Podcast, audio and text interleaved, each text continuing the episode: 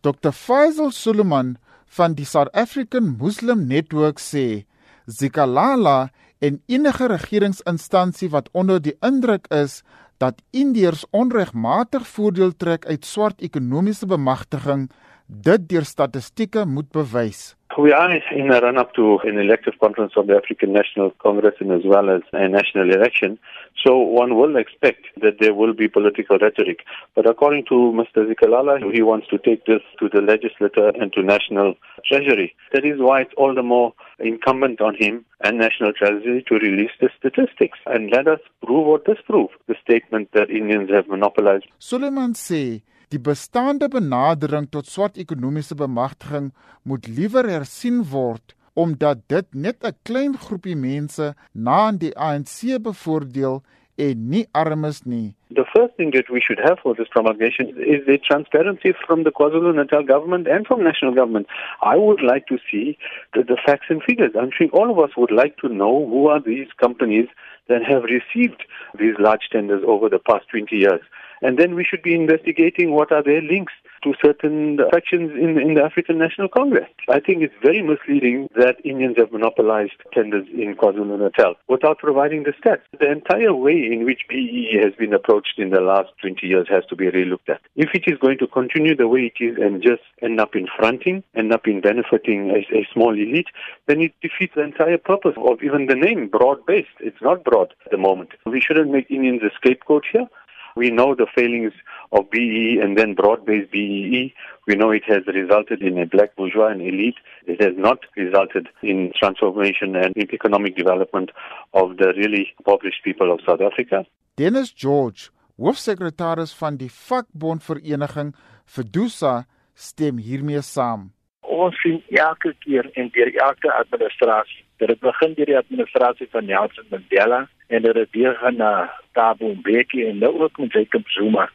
Hoe meer die mense praat van bemagtiging, hoe weer sien ons die enigste mense wat bemagtig word in die land is die mense wat politieke connections het. En dit is waarom ons sien, jy weet, ons moet weer gaan kyk na hierdie hele proses en hoe ons kan verseker dat ons al ons mense kan bemagtig. Die ANC plan is ongrondwetlik en kortsigtig Aldus George. Nou kry jy verskillende politieke leiers. Hulle wil nou baie populêr vind en dit was hulle met hierdie ongrondwetlike voorstelle voor die dag kom. En ons kan nie toelaat dat ons ons mense wat minder bevoorreg is, jy weet nog verder benadeel die hierdie kortsigtige politieke uitsprake nie. En dit is waarom ons vir ons moet vir Suid-Afrikaners hoop gee vir die toekoms en ons moet ons al ons mense bemagtig. Op 'n vraag of Indiër sakemanne met ANC bande wat gereeld voorblaaie haal, nie die verkeerde boodskap uitstuur oor die gemeenskap se bemagtigingsstatus nie, sê Suleiman. Dit is misleidend. As you quite rightly say, there are obviously a few Indians that make headlines, both in the business world and in the political world. But the vast majority of Indians in this country are, in fact, you know, working class people who work. Uh, just has to go to areas like Phoenix and Chatsworth and areas of Lenasia to realize that the vast majority of Indians are not the elite that make the social pages or the elite that get the business headlines. It can be very misleading if one, first of all, paints all Indians as being wealthy. George sê die Weskaap waar die meeste breinmense woon, is op 'n ironiese wyse 'n voorbeeld van waar breinmense nog aan die agterspeen van swart ekonomiese bemagtiging, gelyke indiensneming en regstellende aksies suig verslag toon baie duidelik dat daar is baie min breinmense wat in top en middelbestuursposisies geplaas is.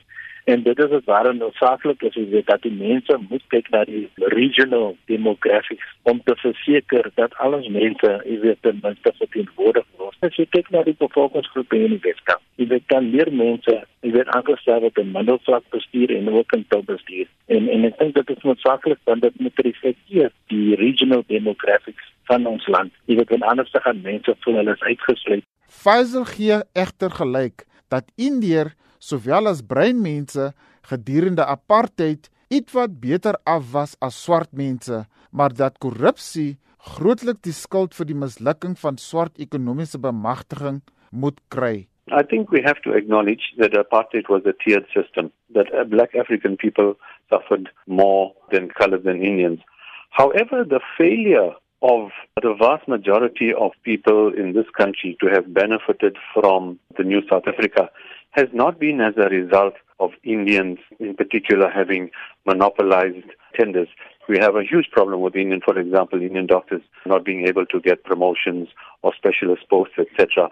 The fact is, it has been sadly a system of nepotism and cronyism and frankly latent corruption that has led to the failure of what would have been a distribution of wealth. Dit was Dr. Faisal Suleman, voorsitter van die SA Muslim Network. Ek is Malikole Gwaitju vir SAK nuus.